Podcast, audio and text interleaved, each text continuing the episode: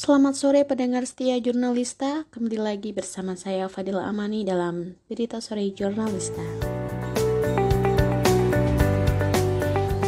Pendengar Jurnalista, setelah mengalami penundaan penayangan, akhirnya film KKN di Desa Penari resmi tayang pada tanggal 30 April 2022. Film yang diproduksi oleh MD Pictures ini sukses meraih rekor hingga 9 juta penonton sejak pertama kali film ini ditayangkan pada 30 April 2022. Antusiasme para penonton tentang film KKN di Desa Penari sudah terlihat sejak hari pertama film ini ditayangkan.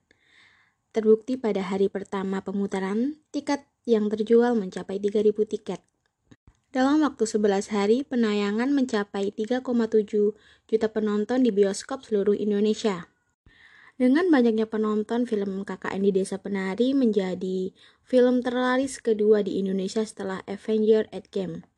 Salah satu penonton KKN di Desa Penari yaitu Ana Suhacayaningrum mengaku ia sudah menunggu film KKN di Desa Penari dari awal dirilisnya berita penayangan film.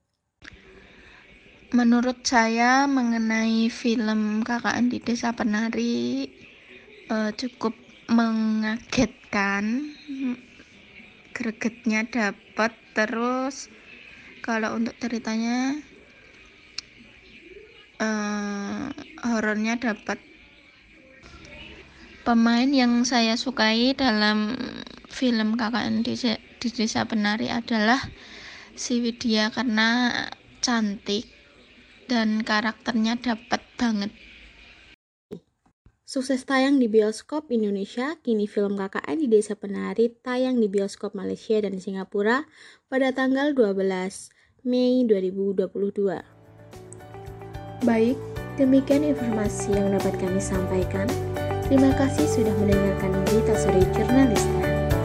Sekian dan